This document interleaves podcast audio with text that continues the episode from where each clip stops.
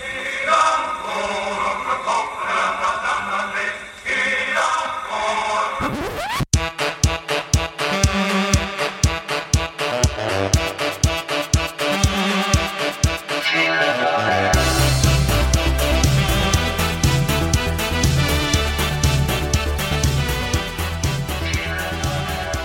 Torsdag, det är Fyllepodden och vi är igång. Vi är en bit in i hösten Anita.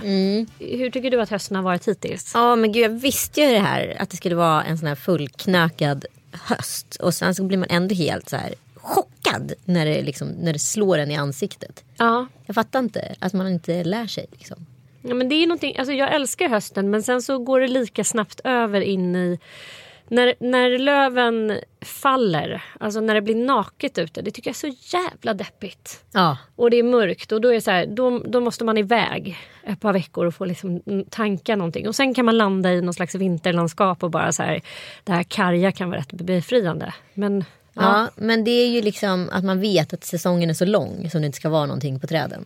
Det är det. Ja men det är det som är så hemskt. Ja, det Gud jag låter helt fruktansvärd och deppig. Men det finns andra som har deppat. Våran gäst Sandra Beijer. Du är ju lite av en deppdrottning skulle jag vilja säga. Tack. Det tar jag som en komplimang. jättevälkommen hit. Tack snälla. Kul att vara här. Ja, jätteroligt. Du, är en- du är en drömgäst för oss. Jag älskar din blogg. Den har jag läst ända sedan den kom i stort sett. Oh, wow. Från och till. Och den var liksom verkligen ett eh, friskt inslag i bloggfloran. Och eh, jag tycker fortfarande den är skithärlig och bra. Ja, vad glad jag blir. Tack snälla. Men du, jag, inför ditt eh, besök här hos oss så gjorde jag lite research. Och eh, ja, Det var ingen komplicerad research utan det var en wiki-sökning. Och då så får man ju ganska snabbt reda på att du eh, inte bara är bloggare och författare utan att du har ett förflutet som copywriter. Att du har gått bergs och att du har liksom bott i New York och jobbat på några av de största reklambyråerna faktiskt i världen. Och det måste jag säga att jag inte riktigt hade grepp om. Jag visste inte riktigt det. Eh, och då konstaterar jag att i din blogg så lyser lite ditt yrkesliv liksom från den tiden i alla fall eh, med sin frånvaro. Är det ett medvetet val av dig? Liksom? Ja men det var nog så att när jag jobbade som copywriter så var det viktigt för mig att liksom separera bloggandet och reklamandet. I reklambranschen är det mycket så här eh, tyst, mm, lite liksom hemligt, vi får inte berätta om den här kampanjen förrän den släpps och bla bla bla. bla. Eh, så att, eh, delvis för att jag inte fick men också för att jag såg dem som två enskilda grejer. Mm, därför var det väldigt skönt sen när jag hoppade av reklambranschen för då kunde jag liksom det var som att min blogg blev hela mitt liv. Det blev ett annat spektra för mig, det blev enklare. Hur länge har du liksom livnärt dig på bara, jag tycker det låter dumt att säga så, men på bloggandet och nu skriver du ju böcker också. Men hur, hur länge har du kunnat göra det? Jag sa upp mig som copy 2013 eh, men jag startade mitt aktiebolag för min blogg 2009. Så jag har kunnat leva på bloggen sedan 2009 men jag tog liksom steget för jag tyckte det var ganska läskigt för jag hade ju ändå liksom ett stabilt vanligt jobb eh, 2013. Från blogg till att skriva böcker. Men om jag, om jag tittar på liksom den karaktär Sandra Beijer som man får lära känna i din blogg. Så är det, dels så är du ju väldigt så ärlig och öppen med framförallt ditt kärleksliv. Eh, man får följa dina, dina förälskelser och dina relationer. Men också hur du blir så här brutalt dumpad några gånger. Och jag sa det precis till Anita här att så här, jag tror att det är en väldigt stor del i att man älskar din blogg så mycket för att du vågar vara så här skitärlig. Och det verkar vara generellt lite utav en så här Ja, det ska man inte visa. Utan man går ut med något offentligt och bara vi är helt överens om att eh, gå skilda vägar. Vi har vuxit ifrån varandra här och det ska vara så moget och vuxet och man är vänner och allt det där. Liksom. Men du visar en helt annan sida verkligen. Att så här, för helvete vad ont det gör att bli dumpad. Liksom. Mm, det gör ju det. Men hur var det helt självklart för dig att vara så där öppen? i och med att bloggen handlar om mitt liv och även om det är mitt yrke så är det också typ så här. Jag har bloggat sedan jag var 20. Jag, det är typ min kroppsdel. Så det, jag kände så här, det här kan inte jag, jag kan inte dölja att jag är ledsen liksom. Um, och det är också en plattform där jag liksom skriver av mig. Jag tycker det är väldigt terapeutiskt att, att skriva om hur man mår. Uh, och sen i mitt första, alltså det är väl två stora breakups som har hänt på min blogg. Och det för, första gången 2012 då då var jag så här, för då, då hade inte riktigt det hänt att någon hade liksom gått ut och varit så ledsen i bloggvärlden. Så då blev det som en väldigt stor grej att jag gjorde det. Och där, var det, där, var, där satte jag mig ner och bara, ska jag göra det här valet? Eh, våga säga att jag är döende av sorg typ.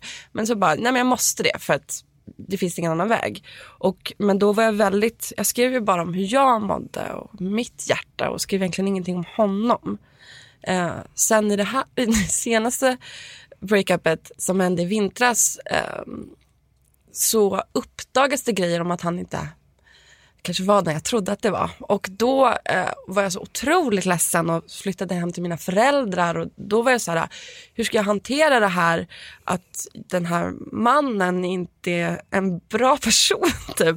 Och då var jag tvungen att göra det valet också. Att typ så här, vara tydlig med att typ, jag har blivit illa behandlad men jag kommer inte berätta mer. Och sen... eh, oh, det var svårt men alltså, jag, inte, jag var tvungen för att jag bloggar om mitt liv. Typ. Men kan det respekteras av liksom, eh, dina respektive då? Att så här, jag måste för att det här är min blogg och det här är en del av mitt liv. Kan de så här tycka, men nej var tyst nu, håll käften. Eller liksom, hur reagerar de? Tycker de att det är lika självklart att bli Alltså respektive som det. du menar? Ja men då som, eh, som du blivit lämnad av. Tycker du om det är jobbigt att du skriver av dig på det sättet du gör? Det var därför jag ville ge de här två exemplen. För 2012, jag, liksom, jag skrev bara mitt eget hjärta. Jag skrev ja. inte om honom. Och han, tyck, han tyckte det var fine. Och han var så här, du gör vad du vill. Ja, han typ. var med på det. Och jag är tacksam över att du håller mig utanför det typ. För att man kan inte hjälpa om man slutar vara kär i någon liksom.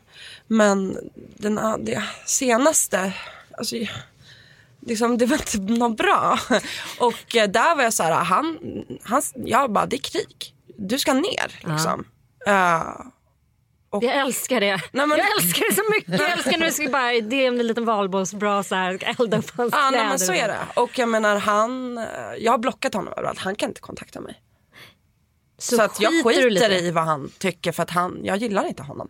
Det finns någon idé om att man som kvinna ska vara rimlig och ta ett ansvar och vara vuxen. Men om man blir utsatt för orimligheter, varför ska jag vara rimlig? Varför? Hoppas han går runt på gatan och är rädd. jag tror faktiskt det. I, I din blogg och i dina böcker så förekommer också väldigt mycket festande. Mm som du nämnde tidigare här eh, så skriver du om ditt liv. Men är det så här mycket fest i Sandra Beijers liv? Mina romaner är ju romaner. Liksom. De är ju skönlitterära. Mm. Så det är inte som att de har hänt mig så. Eh, och i den senaste romanen, Allt som blir kvar. Den handlar ju om 30 dagar efter ett uppbrott. Och alla som har varit med om ett uppbrott vet att att eh, de där 30 första dagarna nästan är laglösa. Liksom. Eh, och väldigt dränerande och destruktiva. Och det vill jag skildra. Eh, och då, då blev det ju mycket fest för den här personen. För att så blir jag den första månaden av sorg. Liksom. Mm. Men jag har ju själv precis gått igenom en eh, skilsmässa. Jag tror inte ens jag minns Nej. de 30 första dagarna. Nej. Det är liksom som ett vakuum i tiden. Jag har ingen aning om. Jag, kan inte, jag har tappat så här tidsreferenser, perspektiv och allt möjligt. Och det är en väldigt speciell tid i livet. Mm. Jag känner likadant. Den är mm. som svart nästan. Och jag skrev också väldigt mycket under den perioden. Om man får verkligen ur sig mycket. Mm. Alltså gud vad man sonderar sitt liv på ett annat sätt. Mm. Men jag tog inte till så mycket alkohol utan någon annan kanske jag borde ha gjort. Men eh, är det bra att ta till alkohol? Jag skrev på min blogg att jag tror att det kan vara viktigt ibland att få vara destruktiv och få köra. Jag tror inte att en varm kopp te och en kanelbulle funkar alla gånger när man har så mycket känslor i kroppen. Och ibland kan det vara skönt att vara sin egen, att vara lite laglös typ. Och vara så här, nej jag kanske kommer vara superbakis imorgon och då kommer jag ha ångest i två dagar. Men vid den här tidpunkten 03.45 på den där klubben när jag fick det där hånglet och jag var ah, shottade den där whiskyn, då sprakade någonting som inte jag känn, har känner annars. Liksom. Och det kan vara viktigt i en sån form av sorg, att känna att det finns kickar även där. Sen säger inte jag att alla ska bli aspackade för att man mår bättre av det. Men man kanske ska få tillåta sig själv att få vara lite destruktiv eh, när livet är, är jobbigt. Liksom. Men du festar ju också mycket i din blogg. Liksom. Så, vi har varit inne på det förut. Vi hade Mikaela Forni här som ju också bloggar. Mm. Och det har funnits liksom en del kritiska röster kring så här, unga bloggerskor som förebilder. och så här, Åh, Är det verkligen så vettigt att de har ett glas vin i handen var och varannan eh, liksom inlägg? Mm. Eh, är det någonting, samtidigt så, så kan jag tycka att det är jävligt orättvist. Vi hade Plura här som gäst tidigare och eh, ja, väldigt få tycker att det är kontroversiellt att han står och är jättefull i stort sett varenda eh, episod av Pluras kök. Liksom. Mm. Eh, läggs det ett större ansvar på unga kvinnor att vara liksom perfekta? Eller vad, vad, vad tycker du kring hela den här diskussionen? Um, nej men det gör det ju. Som kvinna har man ju mycket mer eh, men, hela den där förebildsryggsäcken. Liksom. Och att man på något vis... Det finns en idé om att man är uppfostrad att ta ansvar. Man ska alltid vara liksom mamma. Och är man mamma så kan man inte supa ner sig typ. Och eh, jag kan känna, jag får, jag får väldigt lite liksom, kritik över mitt drickande av de som faktiskt läser min blogg. Utan det är snarare de som scrollar bilderna till exempel. Eh, jag kan känna att jag eh, att min blogg framförallt handlar, alltså jag är ju liksom en innerstads singeltjej. Eh, och du representerar ganska många kvinnor i landet kan man säga. Ja, absolut, mm. men jag tror också så här, jag umgås väldigt mycket med mina vänner och jag har inga barn och då är det mycket liksom restauranger och middagar och då ingår ju det. Men jag kan känna att alkoholen finns ju där men den är sällan eller aldrig det, det centrala i bloggen. Utan det är ju snarare vänskap som är det. Eller fredagspeppen. Typ. Nej, men så kan det verkligen vara och så är det väl mycket i storstäder. Att så här, mm. Alkoholen är väl kanske fonden eller inramningen men, men umgänget är det centrala. Mm. Ja men precis. Eh, men jag måste fråga, för jag mm. vill själv veta. eh, hur går man vidare efter man blivit eh, dumpad? Jag, jag kommer ihåg att jag var så det tog mig så oerhört lång tid när jag var 20 någonting att komma över hjärtesorg. Mm. Vad är det för liksom, eh, vad är det för fas man behöver gå igenom? Kan du beskriva den? Eh, nej men det är väldigt många det är jobbigt. Det är inte så kul. eh, men jag tror att man måste tillåta sig själv att få vara väldigt ledsen. Eh, och sen att få vara, om vi pratar om destruktiv eller liksom eh, bara göra det man har lust med. Liksom. Eh, men sen tror jag att det är lika viktigt att liksom ta sig själv i kragen och ställa sig upp och eh, utföra sitt jobb. Jag kommer ihåg att typ så här, 2012 eh, så bara vaknade jag och bara, jag klarar inte det här, jag kan inte gå upp idag. Det är för ont liksom. Eh, och då bestämde jag för mig själv att liksom, okej, okay, men jag får ligga här i tre timmar och bara stirra på taket. Men sen måste jag klä på mig. Liksom. Och det tycker jag så summerar ganska bra. Att man liksom är tillåtande till sig själv men man ändå liksom... Man måste fortsätta sitt liv. Man kan inte bara sörja ner sig i... För det där mörka kan vara ganska tryggt också. Att få vara väldigt ledsen. Det finns något härligt i att tycka synd om sig själv. Fast det håller ju liksom inte i längden. Och att ta hjälp av folk såklart. Alltså liksom, jag har hört att det finns en så här, tre månaders... Det var tips jag fick av någon någon gång när jag var riktigt dumpad. Att så här, ah, men tänk bara på tre månaders regeln. Oh, vad är det då? Så här, Nej men du ska inte ha någon kontakt, du ska inte liksom hålla på och läsa massa brev, du ska inte hålla på liksom, du ska inte se ansiktet. Det här är alltså rent så biologiskt. Liksom. Och klarar av att och liksom avhålla dig från det i tre månader, då kommer det vara färdigt sen. Liksom. Då är du redo sen. Jag vet inte. Smart. Ja, Svårt. skitsvårt. Man bara, litet sms på natten eller Ah. en liten bild alltså med Instagram och Ja. Facebook. Alltså det, då kräver ju det så här, total blockning och allting. Ja, gud vad svårt. Och ehm, ta bort alla vänner också. Ja, typ. alla som känner personen i fråga och så här, gärna flytta till ett annat kompis. land. Exakt. Ja. Får inte gå in på din kompis Instagram och leka på ditt ex. nej. Nej. Men du har ju faktiskt flyttat eh, till andra länder. Alltså, du har bott i Paris, du har bott i New York. Har det funnits ett... eh, Har liksom de här hjärtekrosseriet, har det varit... Eh, har, har det skjutit iväg dig? Nej, nej. Eh, New York var det för att jag ville till New York. Bara världens bästa stad. Så att eh, då hade jag hade långdistans med min pojkvän. Paris för att jag, eh, det var när jag sa upp mig från reklamen så kände jag typ så här. Eh, och då jobbade jag i New York och då var mitt visum knutet till mitt jobb så jag var tvungen att lämna New York liksom. Och då tänkte jag, men varför ska jag flytta till Stockholm? Paris kan ju vara kul. Så då drog jag dit bara för, varför inte? Typ. Men det låter ju som att så här, nu vet inte jag alls men eh, det låter ju väldigt så här dekadent och härligt och lätt. Eh, och du är uppvuxen på Östermalm och kommer från liksom, en kulturell överklass eller vad jag ska kalla det för.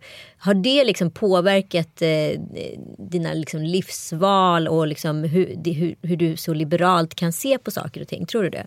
Absolut. Alltså jag tror att man alltid måste ha ett klassperspektiv i, i, eh, i, i allt. Liksom. Eh, och det är klart att, att vara uppväxt eh, med en familj som alltid haft det tryggt ekonomiskt gör ju att man på något sätt får någon slags inneboende fallskärm i att så här, saker kommer att lösa sig. Och jag tror att den så här, inneboende fallskärmen, det är kanske en jättekonstig metafor, eh, gör att man kanske blir modigare.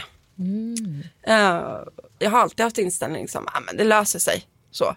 Men sen är det ju så att man får inte Alltså man får heller inte förminska sig själv i att det här har bara att göra med att jag är uppväxt på Östermalm. Utan det tog ju jättelång tid för mig att fixa ett visum och översätta alla mina jobb. Och jag hade ju massa reklam, precis jag var ju duktig på reklam och därför fick jag ju det här jobbet eh, på Widen. Um, ehm, när jag och min kreativa partner fick det 2010 då eh, bara fylldes den här branschmedias kommentarsfält om att typ, så här, det är deras föräldrar som har fixat det här. Och det var så här, pff, det här är så förminskande för att vi har fixat det här, punkt. Liksom. Ehm, eh, men med det sagt så självklart ska man ju vara ödmjuk och alltid förstå, liksom, man har en viss bakgrund och den ger en enklare spelregler. Liksom. Alkohol kan vara gott och öka trivseln men det ställer också till många problem. För de som dricker och för de som finns intill och för samhället. För att det ska finnas en motkraft och för att människor ska reflektera över sitt drickande finns den idéburna organisationen IQ. Vill du veta mer? Kolla in iq.se. Om vi tänker backa bandet då, då till, till din uppväxt. Eh, hur, hur växte du upp och hur såg liksom relationen till alkohol ut i, i ditt hem, i, i din uppväxtmiljö? Mm. Jag är uppväxt med skilda föräldrar. De skilde sig när jag var sju och jag har bott varannan helg hos min pappa. Så merparten hos min mamma och min styvpappa. Eh, och nej men, jag har en bra relation till alkohol skulle jag säga. Min mamma i princip nykterist. Alltså hon dricker aldrig liksom. Och det är för att hon har migrän. Hon typ unnar sig ett glas champagne ibland. eh, och min pappa, alltså jag, kan inte, jag kan inte komma på att jag liksom någonsin sett dem fulla. Men det var så här, ja men en öl till maten, det, det dricker man. Liksom, det känns som att den generationens pappor, liksom, det, det är en öl till maten. Eh, jag, blev, var, jag blev full, för, jag var väldigt tantig som liten. Alltså jag, hade liksom inte så jag blev inte bjuden på några fester. Så, uh, så att jag var, uh, jag var full första gången i jag tror vårterminen i nian. Och då var jag på, hemma hos uh, min kompis och vi var typ sex tjejer och vi drack folköl och jag drack, alltså jag, jag var typ som en fågel, alltså jag var liten. Jag drack en halv folköl och sen kräktes jag. Classic. Ja, så att, eh, men sen, eh, ja, men sen började jag nog gå ut, alltså mycket hemmafester, typ gymnasiet.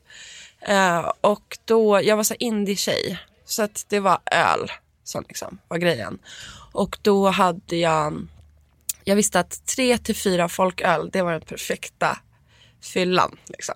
Och sen eh, drack jag inte mer. Så att jag har liksom aldrig...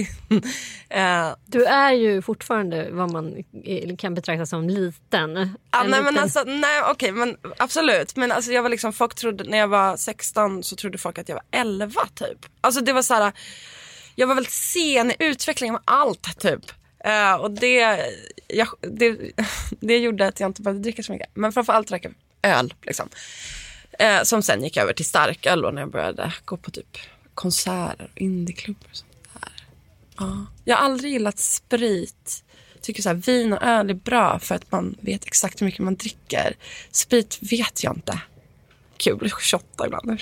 Men eh, ja. Uh, har du Ja. haft eh, något så här problematiskt möte med alkohol genom livet? Alltså, eh, du är ju liksom 30 plus kan Ja, man säga. 33. 33. Och det finns eh, studier som har, har gjorts som, som säger att eh, de allra flesta svenskar är liksom högkonsumenter av alkohol eh, när de är mellan 20 och 30 typ. Mm. Sen börjar det gå ner i liksom alkoholkonsumtionen. Troligtvis för att folk får så seriösa jobb. Eh, de Barn. kanske skaffar barn, liksom, orkar inte hålla på att vara ute och festa hela tiden. Men också för att man rent fysiskt kanske inte riktigt pallar mer. Så här. Och då är ju, befinner ju du dig där i den här liksom, gränsen eller vad man ska säga. Kan du märka några sådana tendenser i ditt umgänge? Liksom, att, att folk dricker mindre eller att, ja, att det ser annorlunda ut? Jo men absolut, alltså så är det. det är ju så här, på något sätt, jag känner att jag är 33, på något sätt delas ju mycket min vänskapskrets i de som typ gifter sig och skaffar barn och de som fortfarande går ut typ. Och det är ju, jag har ett ganska stort kompisgäng som, alltså vi går ut och festar liksom en del och det är ju för att vi är singlar typ och det, det är så vi möts på något vis. Sen är det ju så att jag tycker så här, ju äldre man blir desto rimligare blir man typ. Och det är ju inte som att, eh, jag kan känna typ så här, kanske när man var tonåring eller så, då var det så här, det är spännande att bli full typ. Och det är liksom, det är kul och man har inte testat grejer och man har gjort häxor eller man testar typ så här, dricker genom sugrör eller dricker genom kondomer. Så här, vad gör en fullast typ? Så är det ju inte nu utan nu är det typ så här, den här nya restaurangen har öppnat, vi måste testa den. Eller typ den här klubben har den här feta DJn, vi måste gå till dansa. Eh, och sen ingår alkohol i det. Men det är ju inte som att, jag, eh, eh, ingen, jag kan inte minnas senast gången jag typ kräktes. Eller liksom, det är inte kul att bli för full. Men jag tycker att det är kul att vara full. Typ. ja. Ja, men vi, alltså, det finns inga pekpinnar i den här podden. Nej, jag bara... allt är eh, liksom... Jag tänkte att, vad, vad frågade du? Ja, men det, var, det var svaret på min fråga. Ja. Men min nästa fråga då, det är så här, för det, det låter ändå som att du genom ditt liv har eh, haft en rätt oproblematisk relation till alkohol. Att det så här, verkar inte varit ett bekymmer varken för dig eller för de närmsta du har kring dig. Men har du någon gång upplevt att någon av dina vänner eller någon släkting eller någon som står dig nära faktiskt inte har klarat av att hantera alkohol? Ja men absolut. Alltså det tror jag, är man en sån här uteperson som jag är så är det ju det är faktum att det finns folk som blir för fulla och dricker för mycket. Uh, jag har inte haft några nära kompisar men jag har sett det hända i periferin. Uh, både liksom, alltså både alkohol alltså, och knark. Alltså liksom olika, alltså folk som inte kan liksom, men ser försvinner iväg på något vis. Och det, alltså så funkar det ju statistiskt typ, tyvärr. Men något nära liksom missbruk eh, kan, kan jag inte minnas att jag liksom, jag känner hela min nära kompiskrets, vi är ganska bra på att liksom ta hand om varandra och det finns en så här, har jag varit ute med mina tjejkompisar, alla kollar att alla har kommit hem väl och man smsar varandra. Och jag menar, det tycker jag så här, hela den slags stämningen är också, det finns, man är trygg ja, um, kring varandra och öppen kring varandra och det är inget så här hysch, hysch. Och det kanske bidrar till någon form av rimlig nivå i saker. Uh, för att man har någon att luta sig mot. Och samtidigt pekpin, alltså att pekpinnarna inte riktigt heller finns där. Som till exempel när jag var ny singel och typ ringer min kompis och bara kan du komma hem till mig? Jag måste bli full. Typ. Och att ingen säger så här eh, man, man kan faktiskt inte bara dricka för att bli full utan kanske man behöver göra det i den situationen. Liksom. Att det... Men ja, alltså som klubbtjej så ser man saker hända. Men jag har inte gjort det med nära vänner. Du har inte behövt ta något snack med någon som bara gud det känns som att du är far out här nu. Liksom. Nej, fan vad fint att jag inte har behövt det. Men nej, faktiskt inte. Du, hur, eh, hur ser din framtid ut? Du har ju två framgångsrika romaner i bakfickan. Tack. De är jättefina böcker. Och har du några fler böcker på gång? Mm, jag har precis börjat skriva min tredje roman. Eh, men jag menar, alltså det är så här, mitt personliga mål är typ så här, sommaren 2019. Alltså jag tycker så här, fy fasiken vad det tar tid att skriva typ böcker. Så att, eh, ja, det är inte som att jag är aktuell med någonting snart. eh, men ja, men den håller jag på att skriva nu i alla fall. Vad kommer den handla om? Högstadiet. Mm. Eh, Spännande. 13-åringar liksom. Eh, för Nyvux, det- en ny tonåringar. Ja, exakt. Det är spännande hur elaka folk är liksom. Så maktstrukturer kring typ barn. Hittar du referenser från ditt eget liv eller inspireras du av andra befintliga 13-åringar i den här generationen? Ja, men jag skulle tycka det var kul att, att liksom skriva om 90-talet, alltså när jag var 13. Det är så fint också när folk inte hade mobiler typ. Man Ja. bara möttes på platser.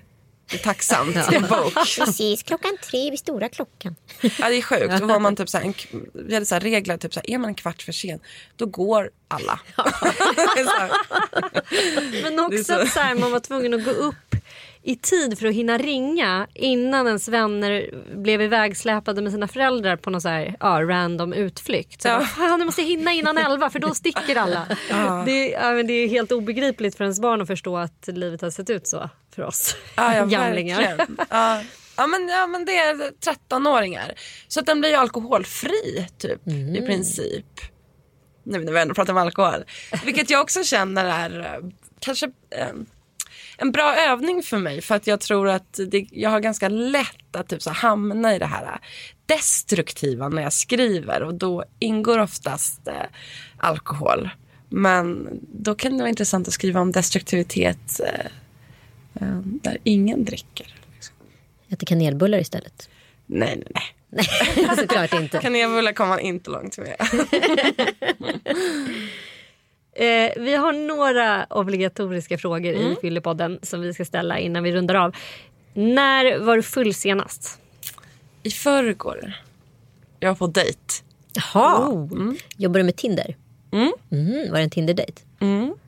Då måste jag fråga, för att, att vara ett så här hyfsat känt ansikte på Ti- Tinder, hur är det? Kul. Men får du inte många så här typ som är väldigt imponerade av att det är just du? Och så här, kan man lita på den typen av dejter? Att de, att, att de dyker upp där och är så här, vill träffa dig och inte bara så här, gud jag vill lägra en bloggerska. Typ. Lägra mig. alltså, Det är fritt fram. det är chill. Jag tycker att, eh, alltså jag gillar ju så här hipsterkillar och eh, och då har de oftast koll på vem jag är. Och då tycker jag bara att det är trevligt. Alltså det är så här kutym att typ så här någon säger så här, "Ja, men nice jag, jag har lite koll. Jag, typ bara, jag har lite koll på vem det är men kan du inte berätta mer? Är inte Typ. det töntigaste när de inte låtsas veta vem man är? Exakt, och så har då de är det så här- upp en. Exakt, det är ju, det är ju värre. Men då, det, då var jag full. Berätta om ditt värsta fylleminne. När jag var på klassresa i Danmark i nian och, och drack en hel flaska, eller det kan ju inte ha gjort, ja, det kändes som det i alla fall, körsbärsvin. Och fy fan, ja, den vet jag också. Och vi låg i så här våningssängar. Sen bara kräktes jag ner hela min säng med så här körsbärsvin. Det bara rann körsbärsvin. Och bara, kan få, alltså jag kan inte röra vid körsbärsvin. det, det, var hemskt. Så då var jag så här, ja, men du vet när man är så här 15 och har den där första riktiga fyllan som liksom är för mycket så är man liksom bakis i fem dagar. Typ. Alltså som hela kroppen har gått sönder. Typ. Men jag och min kompis fick, fick, fick jag feelingar. Ja, kör. Ja, Men jag, vi fick välja varsin dryck vi skulle bli fulla på vår första fylla. Hon valde en flaska Carlsbergs punch och jag valde körsbärsvin. Ah, Och vi var så fulla och vi var så bakfulla och vi kräktes så mycket. ah. Alltså det var det värsta jag varit med om. jag kan, inte, jag kan nästan inte lukta på det fortfarande. Nej. Nej. Det känns som att det kanske var de sämsta slutsorterna att så här, det var väl typ det man hade sett. på. Sina mammor typ dricka eller förstår du, de tagit en liten så här snapspunch eller kanske var den första typen av alkohol man själv hade fått smaka i sina föräldrars var sällskap. söt så då tänkte man det här hanterar jag. Ja, man kanske tänker att det är så här, allt som liknar godis Ja. är bra. Typ. Exakt Men sött. det Ja, så. jag tror också så här persikolikör. Det har jag också riktigt trist minne av. Eh, hur ser din relation till alkohol ut idag? Eh, rolig, skulle jag säga. eh, ja, alltså det bästa jag vet är ett, så, ett jävligt gott rödvin till liksom spaghetti typ. Men samtidigt är jag ju singel så jag går ut och dricker öl. Jag gillar, jag gillar, jag gillar alkohol. Alkohol är kul. Och jag skulle säga att jag är ganska bra på att hålla en, en rimlig nivå. Liksom. Eller rimlig, rimlig för mig. Med de orden ska vi faktiskt runda av Fyllepodden. Ja, Tack snälla, snälla du för att du kom hit. Det var ett jättespännande samtal tycker jag. Jätte, ja. det är det som är så roligt med Fyllepodden. Man, det blir liksom ett program på, på grund av vilken gäst man har stämningen det blir väldigt, väldigt olika. Samtal. Ja, fint att vara här. Tusen tack för att du kom Sandra Beijer. Och är du intresserad av dina alkoholvanor, gå in och testa det på alkoholprofilen.se. Eller så kan du testa för någon annan också. brukar jag och Sanna göra. För alla vi känner. ja. och, eller om du är intresserad av IQs arbete, gå in på iq.se. Tack för att ni har lyssnat.